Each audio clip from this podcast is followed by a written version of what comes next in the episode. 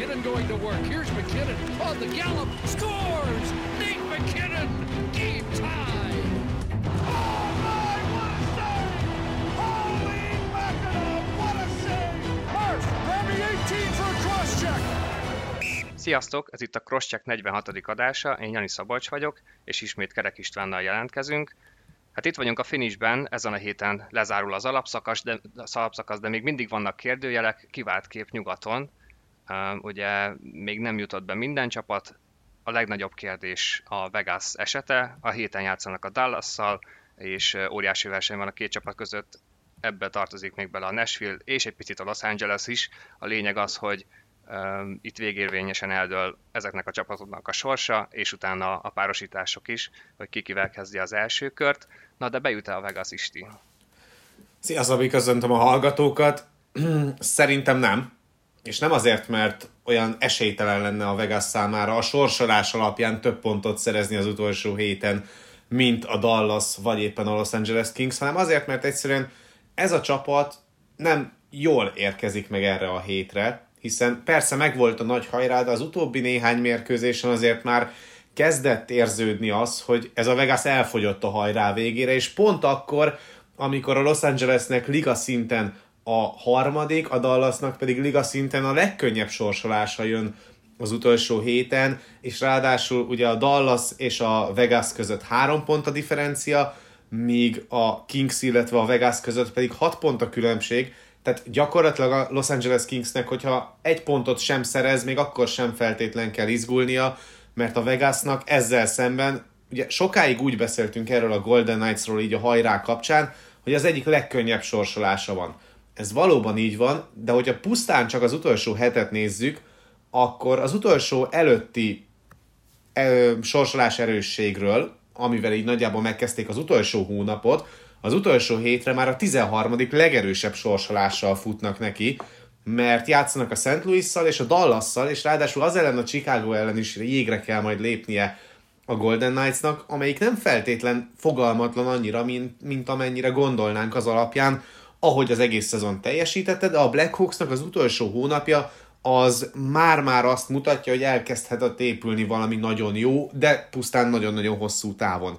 Úgyhogy ha ezt veszem figyelembe, hogyha a különböző körülményeket veszem figyelembe, akkor nálam a Vegas, ha nem is nagyon, de le fog maradni a playoffról, úgyhogy idén nem látjuk a Golden Knights-ot először fennállásuk során a rájátszásban.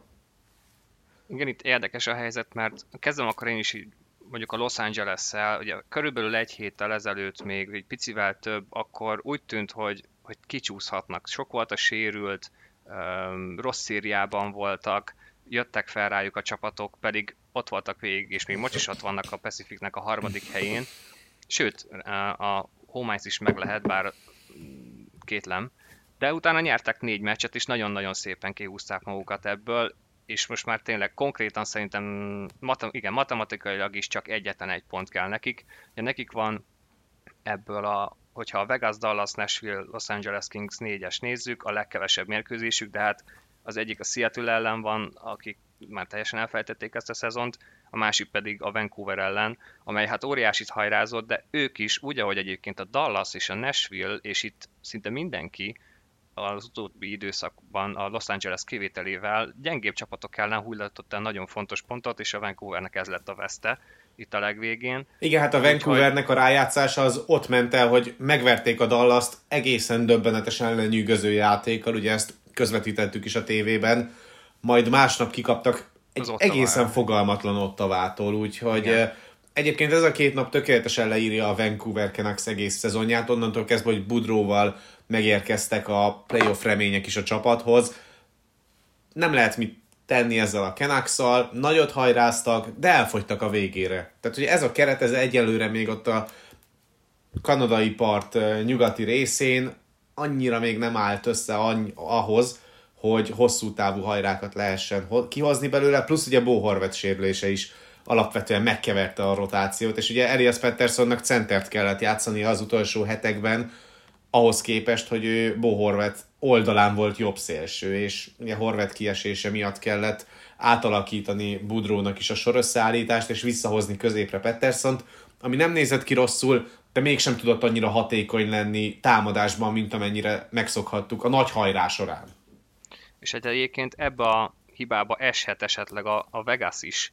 Ugye most, hát egyébként pont most hajnalban már rettentően fontos pontot hullajtottak el, három egyre vezettek, és utolsó másodperces Meyer találattal egyenlített, hát az a Szenhozé, amely már rég elfelejtette ezt a szezon, persze azért Meyer pont a mérkőzés előtt a szezon legfontosabb mérkőzésének titulálta ezt, aztán végül be is bizonyította, és nyert a Szenhozé hosszabbításba, tehát ez már pontosan egy olyan bukta, mint amit a Vancouver csinált, de adott esetben, hogyha valahogy megverik a Dallas 60 percen belül, mert azért képesek rá, akkor is ugye a back-to-back második meccse az Chicagóba lesz, ahogy mondjuk a Vancouvernek volt egy gyengébb csapat ellen Ottavában, és hát a szezonzáró pedig egy olyan St. Louis ellen lesz, amely hát oké, okay, hogy bejutott a rájátszásba, de azon az ágon, és erről fogunk még részletesebben beszélni, mert az első pár harc az már fix, a St. Louis Minnesota, ott még versenyben van a Blues a hazai pályáért.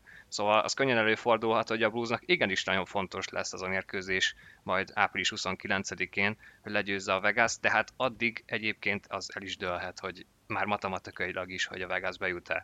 Ha kikapnak 60 percen belül, akkor uh, ugye a Dallas nagyon nagy lépést tesz a rájátszás kapujába, a, ott még kérdőjel lehet még mindig a Nashville, hiszen ők pedig a Calgary-val játszanak ugyanebben az időpontban, hogyha ők kikapnak 60 percen keresztül, akkor őket még mindig befoghatja a Vegas, 94 ponttal áll a Nashville, és egyébként én is azt gondolom, hogy, hogy a Vegas nem fog bejutni, nagyon fontos pontokat hullajtottak el, és már arról beszéltünk, hát még a hónap elején matematikailag is nagyon rosszul nézett ki az ő helyzetük, mert az rendben van, amit te is említettél, hogy nagyon könnyű volt a sorsolásuk, de valami elképesztő nagy százalékban kellett, hogy megnyerjék a mérkőzéseiket. És ebben nem fér bele az, hogy azt hiszem a New Jersey, igen, a New Jersey-től kaptak ki simán 60 perc alatt, Edmontontól is kikaptak, szóval elmentek ezek a pontok, például a Vancouvertől is, úgyhogy, úgyhogy ez itt már nagyon-nagyon számít, és pont ez, amit most hajnalban is elveszítettek, az az egy pont is rengeteget számít itt.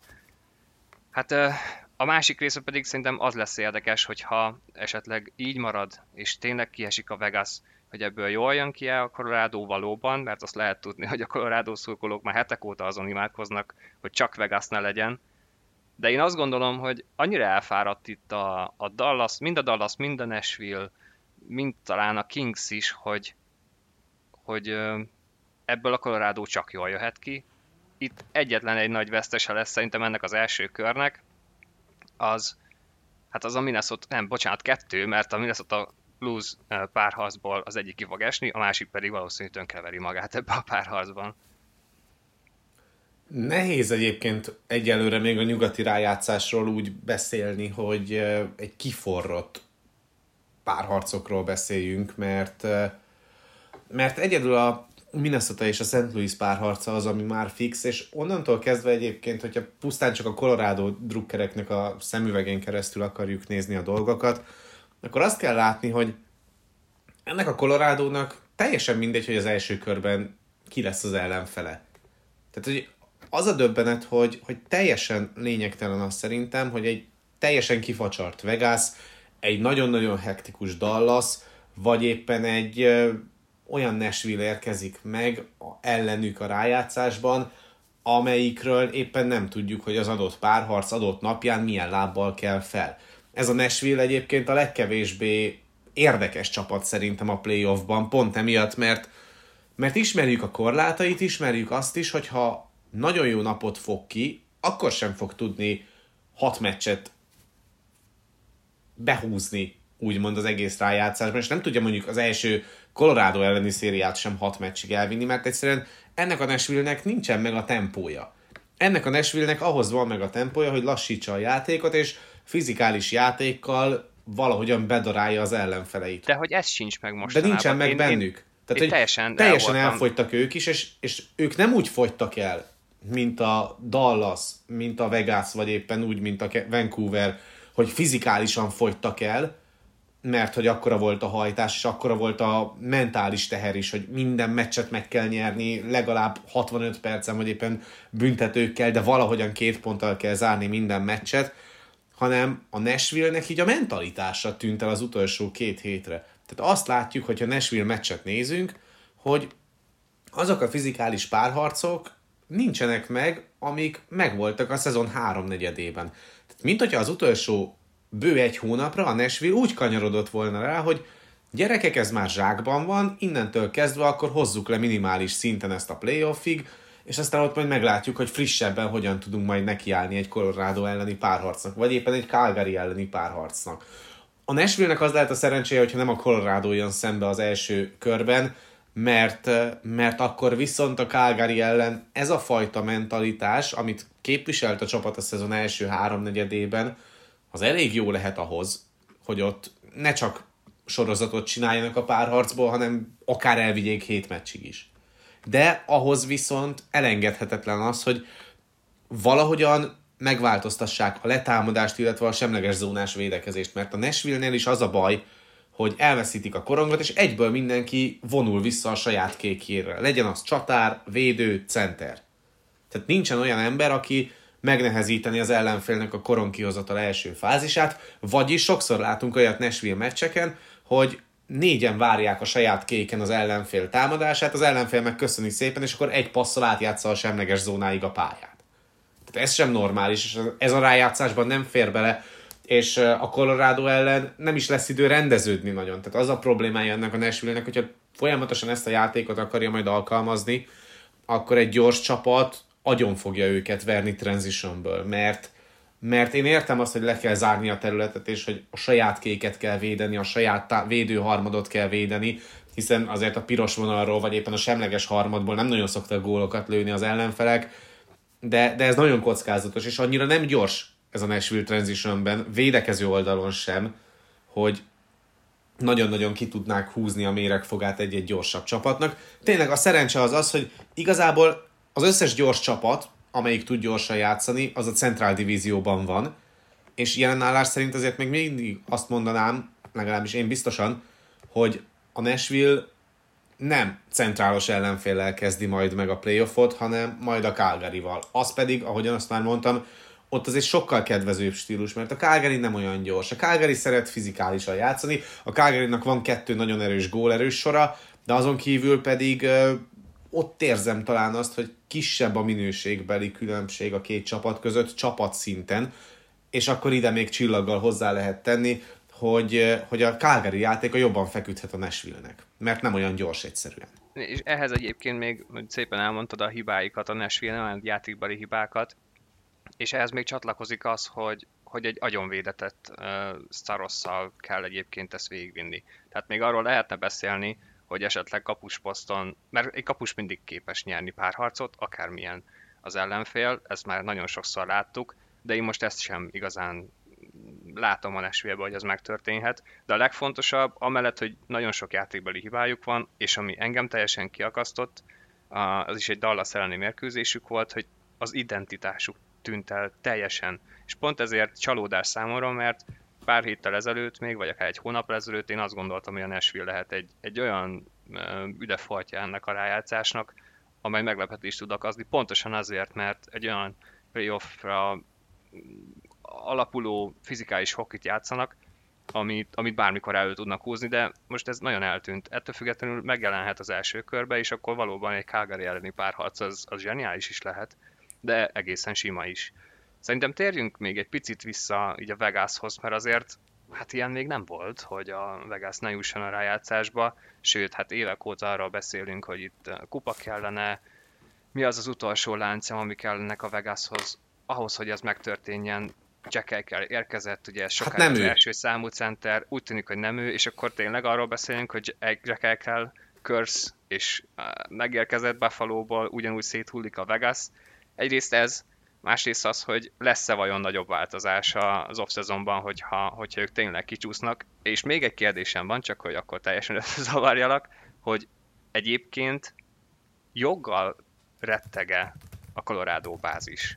Mert, mert pár héttel ezelőtt ugyanez megváltozott bennem a Vegas kapcsán, hogy én azt gondoltam, hogy igen, és tényleg az lehet, hogy becsúszanak egyetlen egy ponttal, vagy még pontazonossággal, és akkor itt tényleg nagyon megdurván meglepik, meglepik a colorado de én most ezt se látom bennük. Szóval mi a kérdés? Meglephetik-e egyébként a Colorado-t, és mondjuk joggal tartanak-e a Colorado szurkolók ennyire ettől a Vegas-tól? Legyen ez a kiinduló pont. A Colorado szurkolók szerintem bárkitől tartanak valójában, tehát itt most megy a nagy magabiztosság azzal kapcsolatban, hogy átrohantak a teljes ligán az alapszakaszon, egy-egy kivételt leszámítva, de a rájátszás az nagyon-nagyon nem a, a Colorado terepe, és nem egy olyan hokinak ágyaz meg jó táptalajként a playoff, amit a Colorado akar. És az ő hokiuk az, amit a legnehezebb átformálni egy rájátszás szintű jégkorongra. Tehát amikor kisebb a terület, amikor, amikor fizikálisabbak a párharcok, amikor sokkal több emberezést látunk minden csapattól, főleg az esélytelenebb csapatoktól, és nem arról van szó, hogy mindenki zónázik mondjuk a saját harmadában védekezésnél, vagy éppen a saját félpályáján, hanem, hanem arról van szó, hogy a Colorado-nak egy előnye van, és azt tényleg az alapszakaszban, amikor, amikor minden csapat esetleg úgy tekint egy, egy Colorado elleni meccsre, hogy jól van, jól van, tudjuk le, aztán majd a rájátszásban nem ezt kell megnyernünk. Tehát, hogy van egy ilyen mentalitás is, szerintem sok csapatban volt idén ilyen mentalitás, és akkor nem csak a Colorado ellen, hanem a Florida ellen is ugyanez a helyzet. Tehát, hogy, hogy főleg, hogyha back-to-back második mérkőzéséről van szó, hogy, hogy egy-egy ilyen mérkőzést könnyebben elengednek a csapatok, akiknek más a céljuk. Mert nyilván a Colorado-nak, meg a Floridának az volt a célja idén, hogy nyerjék meg a prezidentet, elég jó csatát is vívnak egymással párhuzamosan a két különböző konferencia élén, ezért a kupáért, de a rájátszás szempontjából ennek jelentősége nincsen. A Colorado, ha az első körös lehetséges ellenfeleket nézzük, akkor valóban joggal tart attól, hogy esetleg a Vegas fog majd megérkezni, mert a Vegas pontosan tudja azt, hogy mi ennek a csapatnak a kriptonitja. Mert hát ezt tavaly is összehozták. De a dallas azért nem mondanám, meg a Nashville sem olyan csapatnak, amelyik megnehezítheti a Colorado dolgát, mert a Dallas ugyan tudhatja, hogy hogyan kell megverni ezt a Colorado-t, hiszen ugye két évvel ezelőtt a buborékos rájátszásban ezt összehozta, de ott azért nagyon sok mindent adott a gép a Dallasnak, és ennyit egy újabb párharc során már nem kapna a Stars szerintem a sorstól, illetve azt is hozzá kell tenni, hogy a Dallasnak a védekezése sem olyan, mint akkor volt. És lehet, hogy ez majd megint megváltozik hirtelen egy csapásra, és Rick Bowness megint előveszi azt a nagyon-nagyon kellemetlen letámadást és semleges zónabeli védekezést egy ilyen 1-2-2-vel Bizony felállva. tudnak. Ez, ez veszélyes lehet a Dallas részéről. Én egyedül őket gondolom olyannak, am, am, amelyik csapat. De ott meg a tűzerőt nem látod. Tehát, Hát hogy kevés igen, gólos mérkőzéseket lehet nyerni majd a Colorado ellen, csak az a kérdés, hogy egy párharcban hány ilyen kevés gólos mérkőzésen tudsz egyáltalán szerepelni, és hányszor tudod kevés gólon tartani a Colorado-t, mert hogyha egy párharcban két ilyen meccsed van, és mind a kettőt megnyered, akkor oké, okay, csináltál belőle egy sorozatot. De ahhoz, hogy tovább jussál, neked kell egy kicsit kimenni a komfortzónádból, és kicsit támadásorientáltabbá tenned a játékodat, Vagy egy hogy- kapus hogy- viszi el azt a másik kettőt, de az sincs a de a, Dallasnál. de a Dallasnál nem érzed ezt, és amire még vissza akartam kanyarodni, hogy ahhoz, hogy így általánosságban beszéljünk a Colorado elsőkörös ellenfeléről, ahhoz, hogy egy ilyen szériát megnyerjél, ki kell lépned a komfortzónádból, támadásorientált hokit kell játszanod egy-egy mérkőzésen, mondjuk az idegenbelieken, és akkor, akkor lehet esélyed, hogy túllőd a colorado De melyik csapatban van meg igazán ez a tűzerő? A Nashville-ben szerintem egyáltalán nincsen meg. Ott tényleg abban lehet bízni, hogy, hogy Saros elhoz egy-egy meccset, és, és akkor itt kifújt a történet, mert a Nashville-t én nem látom egy olyan meccsen négy gólt lőni, ahol a Colorado csak hármat lő. A, a Dallasnál szerintem szintén nincs meg a tű- tűzerő, bár hogyha játék struktúrát nézzük, akkor szerintem a Dallas a legkiforrottabb csapat erre, ugyanakkor nincsen meg támadó oldalon tényleg ugyanaz a tűzerő, ami mondjuk a Vegasnál, és szerintem egy Colorado elleni párharcban sokkal többet ér az, hogy mekkora a potenciál benned támadó oldalon, mint amennyire védő oldalon esetleg le tudod redukálni azt a sebességet, amivel neked rontanak meg Kinonék. És ezért én értem azt, hogy miért félnek a Vegas-tól, de ez a Vegas nagyon ki lesz facsarva. Tehát, hogy ha visszagondolunk arra a párharcra, amit tavaly vívtak egymással, ugye az első két meccsen átrohant rajtuk a, a Colorado, hiszen hét meccses párharcból érkeztek a Minnesota ellen a, a Vegasiak a Colorado elleni második körre, de nyilván itt most azért nem lesz annyira sűrű a rájátszásnak a menete, mint mondjuk volt tavaly, és hogyha itt is az első két meccs után egy teljesen új lapot nyitnak a csapatok, és a Vegas összerakja magát úgy, hogy már nem is kell fizetési plafonra figyelnie meg semmire, a legnagyobb upside és előrelépési lehetőség az alapszakasz és a rájátszás között az egyértelműen a Vegasnak van, az ismert körülményeket figyelembe véve, a tapasztalat alapján, és úgy rendszer szinten nézve a dolgokat. És pusztán azért mondom ezt, mert a Colorado ellen muszáj támadnod. Nem indulhatsz meg egy olyan párharcba, ahol tudod, hogy kell lőnöd alsó hangon 20 gólt a sorozatban ahhoz, hogy egyáltalán meccsben legyél. Igen, ez, ez leghamarabb valószínű a második uh, körben fog eljönni. Az viszont már egy elég erős történet lesz, lesz, tehát hogy attól félhet igazán a Colorado, és ezért is fontos az, hogy milyen lendülettel tudnak majd átmasírozni azon a csapaton, amelyik elsőként érkezik majd szembe. Mert hogyha már az első körben sorozatra kényszerül a Colorado mondjuk egy Vegas ellen, és mondjuk tovább a Colorado hat meccsen, de akkor nem lesz meg az az előnye, ami mondjuk meg lenne akkor, hogyha érkezne egy Dallas vagy egy Nashville, és öt meccsen lerendeznék őket, és aztán néznék páholyból azt, hogy a St. Louis meg a Minnesota hogyan veri össze egymást, én Igen, értem, egyébként... és nem csak azért, nem, nem a továbbjutás miatt félnek szerintem a Colorado szurkolók a Vegas-tól, mert szerintem az most minden körülmények között meg lenne, hanem azért, mert csak sorozatban lehet gondolkodni a Vegas ellen, és akkor viszont az már visszaüthet a második körben, és az a colorado az igazán gyenge pont, és az lesz majd ennek a csapatnak az igazán nagy erőfelmérője, hogy mit tud egy Wild vagy éppen egy Blues ellen idén. Mert azt láthattuk, hogy tavaly a Blues az oda ment verekedni, aztán semmire nem ment. A Bluesnak idén egy sokkal, de sokkal kiforrottabb játéka van. És sokkal Igen. mélyebb is a Blues. Sőt, odáig tudnék menni, hogy a Bluesnak van szerintem nyugaton a legmélyebb kerete. Hogyha minden négy sort a, nézzük.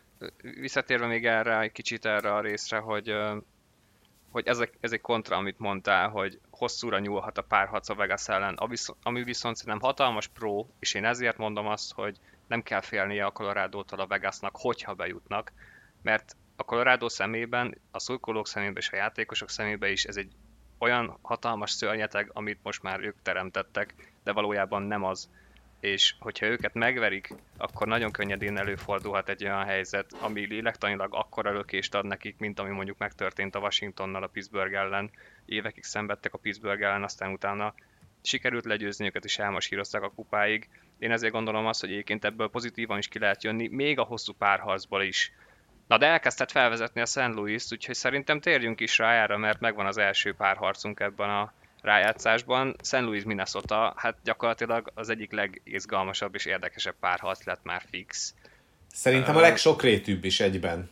Tehát, hogy itt azért már nyilván mindenki gondolkodik azon, hogy milyen párharcok jöhetnek létre nyugaton, akár keleten. Nyilván a keleti a nagyobb lutri, mert ott még tényleg mindenki végezhet gyakorlatilag mindegyik pozícióban, és létrejöhet az összes fajta per, ö, párosítás. De azért ott kezdjük azt látni, hogy keleten egy nagyon támadásorientált játék lehet az, ami uralkodhat az egész rájátszásban egészen a keleti döntőig. Míg nyugaton szerintem sokkal több jól struktúrált csapat van, és a három legjó, legstruktúráltabb csapatból kettő fog majd játszani egymásra az első körben ebben a párharcban. A harmadik az nálam a Calgary. De hogy most a struktúrát azt úgy értem, hogy mondjuk a jégkorongnak minden területére nézve ez a három csapat van a legkiegyensúlyozottabban kihegyezve egy-egy playoff párharcra. Tudnak támadni is, tudnak, tudnak nagyon támadni, jól nagyon jól védekeznek, Én mondanám egyébként tudnak. a struktúrában a Los Angeles is, de nincs meg az a támad. Egyszerűen nem lehet ilyen támadó játékkal messzire menni. Igen, tehát én ezért mondom azt, hogy, hogy ez a párharc, ez, ez akár egy nyugati döntőnek is beillene.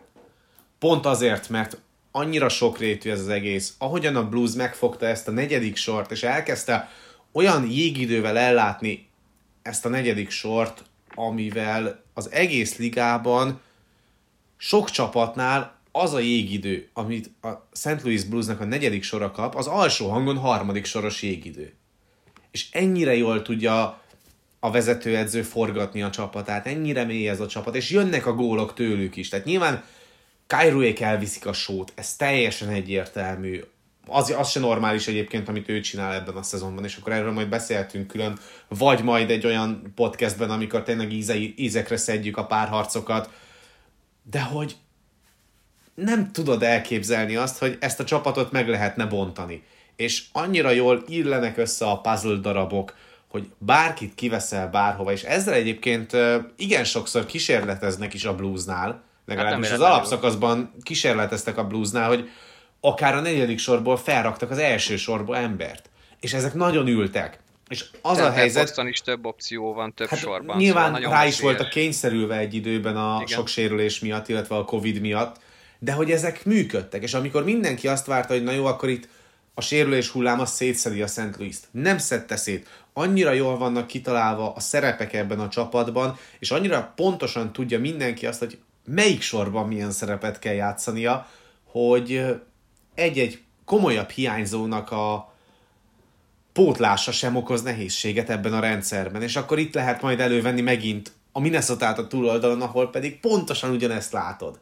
Tehát ott is ugyanez a helyzet, bármilyen furcsa. Igen, de mivel tudja egyébként tényleg megnyerni, akár hogyha hétmeccses párhasz lesz ezt a, a Minnesota, mert egy kicsit azt érzem, hogy hasonló hibába eshet a Minnesota, vagy nem is hibába, mert egy borzasztó jó ellenfelet kapott tavaly az első körbe, szóval nagyon könnyen lehet ugyanez a kimenetele, mert azt látjuk, hogy ez a Minnesota is borzasztóan erős tud lenni, viszont van azért egy nagyon-nagyon komoly tényező itt, amellett, hogy a Bluesnak rendkívül összetett a játéka, top 3 az ember előnye, top 5 az ember hátránya, a Wild-nak az emberelőny ugyanezek a statisztikák, emberelőny 16 emberhátrány 26 tehát itt az egyik legrosszabb emberhátrány lép fel majd az egyik legjobb emberelőnnyel.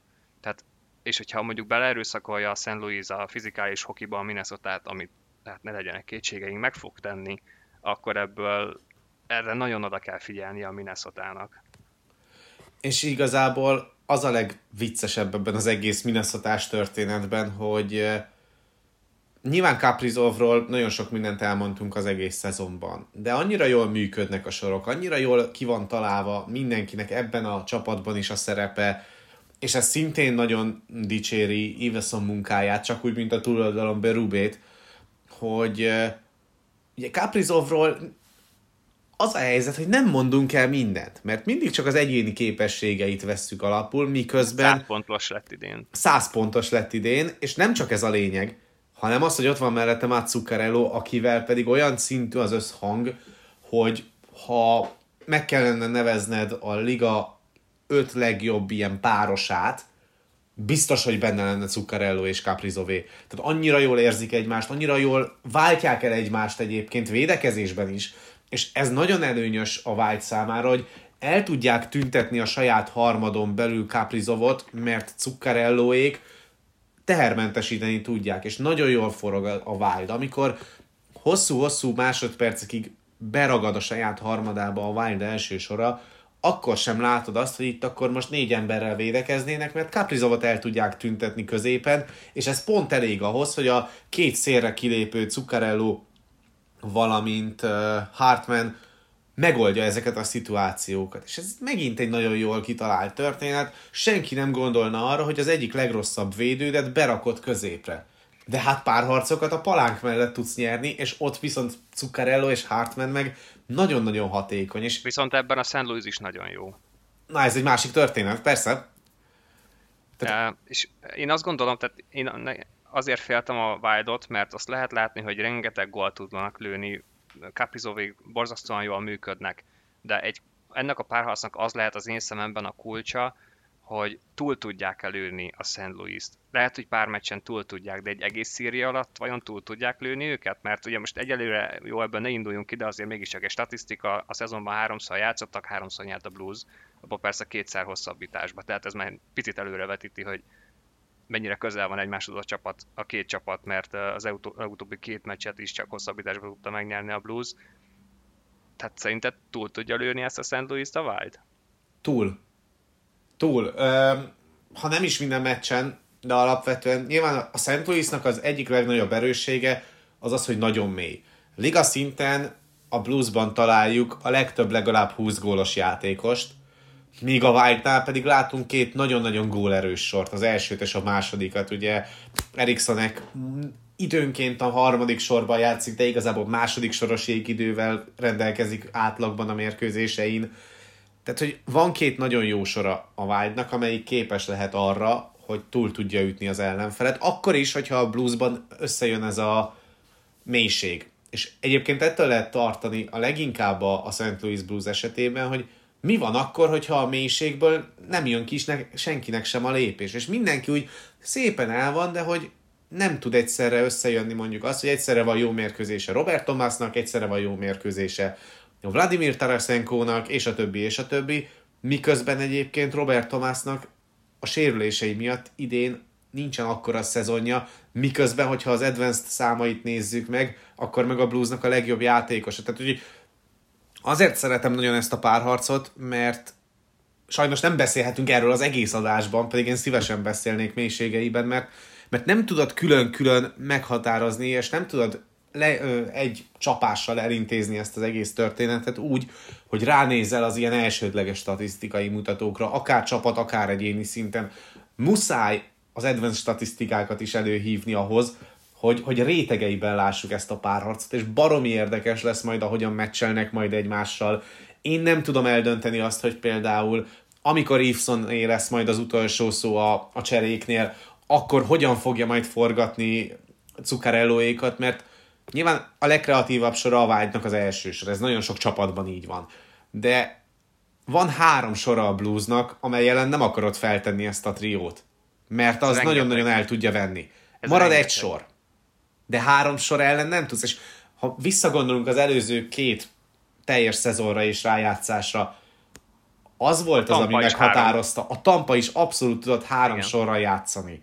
És Igen, bárki és ellen ez... föltetted a legjobb sorodat, még a, a Stamkos féle sor is védekezésben tudott hozni extrát, mert ott volt Anthony Cirelli. És az ő védőmunkája az, az nagyon-nagyon kiegészítette azokat a hiányosságokat, ami egyébként megvolt Kilornál, illetve Stamkosnál. Tehát ilyen szinten kell ezt kezelni, hogy a St. Louis az nem csak ennek a párharcnak az esélyese, hanem az és egész Stanley Kupa rájátszásnak is az egyik nagy esélyese lehet. És ezért nem gondolom azt, hogy probléma lehet a bluesnál az, hogyha nem működik egyből és egyszerre mindenki, mert struktúrájában működik barom jól ez a csapat, és van nagyon sok nagyon jó sora. És hogyha azt kell nézni, hogy mi a kulcs figurája, vagy a kulcs momentuma ennek a szériának mind a két csapatnál, akkor én azért mondom azt, hogy nagyobb eséllyel nyerhet a Blues, mert a Minnesota-nál három ilyet kell mondanom. A St. Louisnál azt kell mondanom, hogy folytassák azt, amit eddig csináltak, játszanak úgy, ahogy amiben jók idén. A Minnesota-nál viszont nekem tényleg három dolognak kell teljesülnie. Egyrészt az, hogy tényleg túl tudják lőni az egész párharc alatt, a másik az, hogy amennyire tudják megpróbálni elkerülni a kiállításokat, mert itt annyival nagyobb a különbség a két special teams között, hogy hát nem erősödni kell ebbe, hanem konkrétan elkerülni a kiállításokat. A harmadik pedig az, hogy én biztos vagyok benne, hogy tehát legalább egy, de inkább kettő meccset Flőrinek hoznia kell, amire egyébként képes lehet, és ez is egy faktor lehet, mert ezért hozták Flőrit, ami hát most így a Blues elleni széria előtt úgy tűnik, hogy ez egy igencsak bölcs húzás volt, Szóval itt három olyan dolog van, ami, aminek össze kell jönnie. Ettől függetlenül könnyen lehet ez Minnesota hat alatt, vagy hét alatt is, de baromi nehéz lesz megfogni ezt a St. Louis-t. Én még azt fognám meg, és akkor lehet, hogy ezzel kinyitunk egy új fejezetet, és hiába akarunk rátérni az adás későbbi szakaszára, lehet, hogy fölhozok egy újabb topikot. De az ötezet elleni játékban ég és föld a különbség viszont a két csapat védekezése között. Tehát míg támadó oldalon nagyjából ugyanolyan minőségű helyzeteket tud kialakítani 60 percre vetítve a St. Louis, illetve a Minnesota, hiszen hogyha az XG-t nézzük 60 percre vetítve, akkor a Blues 2,47-est alakít ki, a Minnesota 2,48-ast, viszont ami nagy különbség, az az, hogy amíg a Wild mindössze 2,16 XG-t enged az ellenfeleknek, addig a a St. Louis Blues 2,68-as, tehát óriási a különbség 5 az 5 elleni játékban, az alapján, hogy milyen minőségű helyzeteket enged a Minnesota, illetve a St. Louis. Viszont, amit még mindenképpen ide kell hozni, az az, hogy mennyire túllövik a saját hatékonyságukat, és mennyire hatékony mind a két csapat az ellenfél kapuja előtt. Erre a 2,48-as XG-re a Wild 3,15 gólt üt 60 percre vetítve azonos létszámban, míg a St. Louis erre a 2,47-re szintén 3 gólt üt 60 percre vetítve 5v5-ben. Hát ezek top 10-es számok, sőt, ugye a Florida Panthers üti túl csak nagyobb hatékonysággal az XG-jét, mint a Minnesota, és a St. Louis például a negyedik ebben a rangsorban. Az is nagyon fontos lesz, hogy, hogy mennyire tartható fent az a fajta hatékonyság, amit az alapszakaszban produkál ez a két csapat, mert hogyha nagyon-nagyon hosszú távot nézzük, akkor ezek a tendenciák fenntarthatatlanok. De hát ezre majd a rájátszás nyilván választ ad nekünk. Bizony, mert ez egy nagyon-nagyon kemény szíria lesz, és ezek a számok szerintem egyébként fenntarthatatlanok, már csak azért is, mert amilyen szinten egymásnak fognak esni. Ami még egyébként fontos ebbe a párhazba, és hát ebbe egyelőre, hogyha egy nüansznyival is, de jobban áll a Minnesota, nekik nagyon fontos lesz, hogy meglegyen a hazai pálya. Én azt gondolom, hogy ha, hogyha ez véletlenül mégis a Blues lesz, nekik már csak két meccsük van, pont azonosság van, viszont a tiebreaker a Minnesota-nál van, és nekik még három mérkőzésük van, hogyha mégis a Bluesnál lesz a hazai pálya, hát akkor még nehezebb helyzetben lesz a Minnesota, mert uh, nekik szerintem ez egy nagyon nagy töltet lehet, és előny, hogyha ők kezdik hazai pályával ezt a szériát. Jelenleg így fest. És ugye, hát említettük egy picit keletet. Most jelenleg az a helyzet, hogy mind a nyolc csapat bejutott. Liga történetében először van olyan, hogy a mind a nyolc keleti csapat, vagy bármelyik főcsoportból a nyolc rájátszásba jutott csapat legalább 100 pontig jut, bár ez nem olyan hatalmas nagy meglepetés, mivel körülbelül január óta tudjuk, hogy kik lesznek ott. De hát bármi lehet még. És amit mondtál, azért lesz érdekes ez a keleti playoff, mert most nincs egy New York Islanders, gyakorlatilag csak egy Boston, és talán még a Rangers lehet odavenni abba a körbe, amely csapatok közül mondjuk igazán a védekezésre fókuszálnak, és az a kiinduló pontja a játékuknak. És hát itt uh, tűzijáték lesz keleten, nem is akármilyen. Ebből a szempontból egy picit majd kilóghat lefelé a Tampa, amely nem azért fog majd úgy gondolkodni és úgy játszani, mert hogy ő akar lenni az új Islanders, mert nyilván nem lehet ő az új Islanders, viszont hogyha a keleti top csapatokat nézzük, akkor a Tampa tudja a legjobban kontrollálni a játék tempóját. És nem csak azért, mert már-már unalmas a Moneypack grafikon beosztása szerint a Tampa Bay játéka, hogyha a kapura lövési mennyiséget nézzük, de, de tényleg nagyon keveset lőnek ellenük kapura az ellenfelek. Tehát 51-et 60 percre vetítve 5 az 5 elleni játékban, ezt túl tudja ütni a Tampa. De nagyon kevés csapat enged kevesebb kapura lövést az ellenfeleknek. Igaz, ebből ott van a Florida, ott van a Carolina, illetve ott van a Boston, de de igazából a Boston, illetve a Tampa lehet majd az a csapat, amelyik a védekezésére alapozva is sokáig tud menni majd a rájátszásba, mert az összes többi csapat az nagyon-nagyon ki van szolgáltatva a támadó játékának. És a Florida abszolút, és ő, őket igazából azért lehet félteni, mert mi van akkor, hogyha az a lendület, amivel megérkeznek a rájátszásra, az egyszerűen, az egyszerűen nem fog kijönni, és ezt a csapatot ebben a formában még nem láttuk rájátszásban játszani. Tehát tavaly láttuk a rájátszásban, nem volt egy rossz párharc a Tampa elleni párharc, erről szerintem tudunk majd beszélni akár később is, hogyha megismétlődik, de hogy akkor nem volt meg úgy igazán az a lendület, ami egy egész párharcon keresztül átmenjen a Floridával, és akkor arról még nem is beszéltünk, hogy egy egész rájátszásról beszélünk az esetükben, hogy, hogy ott kéne végig rohanni, az meg a másik, igen. A Caroline-nával pedig évek óta ugyanaz a probléma, hogy nagyon jó, hogy agyonlövik az ellenfelet, nagyon jó, hogy rengeteg helyzetet kidolgoznak, nagyon jó, hogyha kinyílik a golzsák, akkor rengeteget tudnak felírni az eredményjelző táblára. Csak éppen az emberhátrányos védekezésük az, az továbbra is vállalhatatlan egy rájátszás szinten, és akkor arról nem is beszéltünk, hogy az a szintű letámadás, amit évek óta próbál a Carolina meghonosítani a playoffban, és egyszerűen nem akarja feladni a saját elveit Brindamur, akkor sem, hogyha azon egy pár harc múlik, az, az fenntarthatatlan, és az továbbra sem fogja elhozni a sikert. A Tampa meg a Boston mellett pedig amellett, hogy struktúrát tekintve, illetve játékfilozófiát tekintve a két legrájátszás kompatibilisebb csapatról beszélünk, ott van még a rutin is. Tehát arról beszélünk, hogy az előző két széria bajnokáról, illetve a Bostonról. Szerintem ennél részletesebben erre nem kell kitérni, mert, mert ez lesz majd az, ami igazán kijöhet egy-egy kulcsmérkőzésen, amikor már a kiesés a tét az egyik csapat számára, vagy éppen a párharc lezárása. Említetted a Caroline-át, és hát szegények, most érdekes, mert hogy lehet, hogy megnyerik simán a divíziót, és így kell beszélni róluk, hogy szegények, ugye egyrészt saját magukat kell legyőzniük már évek óta, de hát itt nagyon-nagyon könnyen előfordulhat, hogy egy rettentően kellemetlen és nagyon jól összeállt Bostonnal kell találkozniuk az első körben, míg mondjuk a Washingtonnak jut a Rangers, vagy esetleg a Pittsburghet behelyettesíteni a Washingtonnal, szóval nem biztos, hogy jól jár azzal itt a Metro győztese, hogy megnyeri a csoportot, mert bizony ott lehet egy Boston az első körben.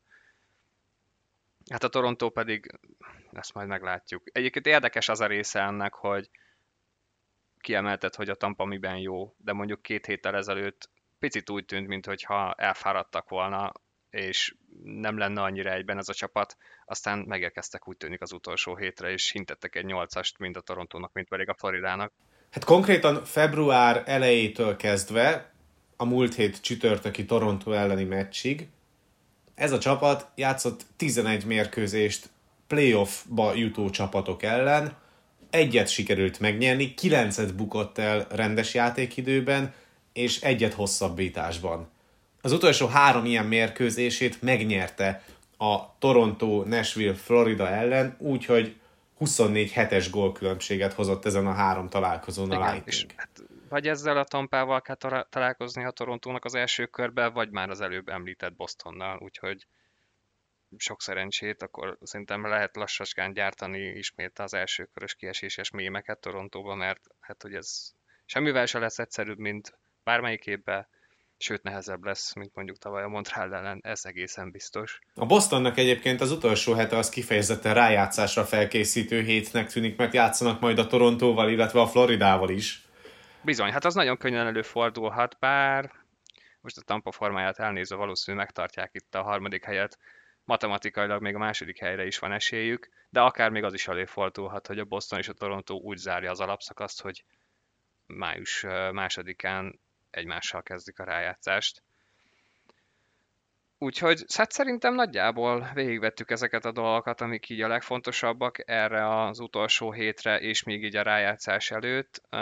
Én egy fél mondat erejéig még megemlíteném az utolsó helyen álló, vagy legalábbis a sereghajtó csapatokat. Ugye itt most május 10-én tartják a draft lotterit, úgyhogy azok a csapatoknak a szurkolói, akik akik nem izgulhatnak idén a rájátszásban, még az utolsó héten talán egy picit izgulhatnak azon, hogy melyik csapat hol végez. Ugye itt az utolsó helyekről Montreal, Arizona, Seattle, Philadelphia, New Jersey, Chicago, Ottawa, Detroit, Buffalo és Anaheim van a 10 utolsó 10 helyen. Még egy pici változás történhet, de május 10-én derül ki az, hogy kiválaszthat az első három helyen, és utána a sorrend is.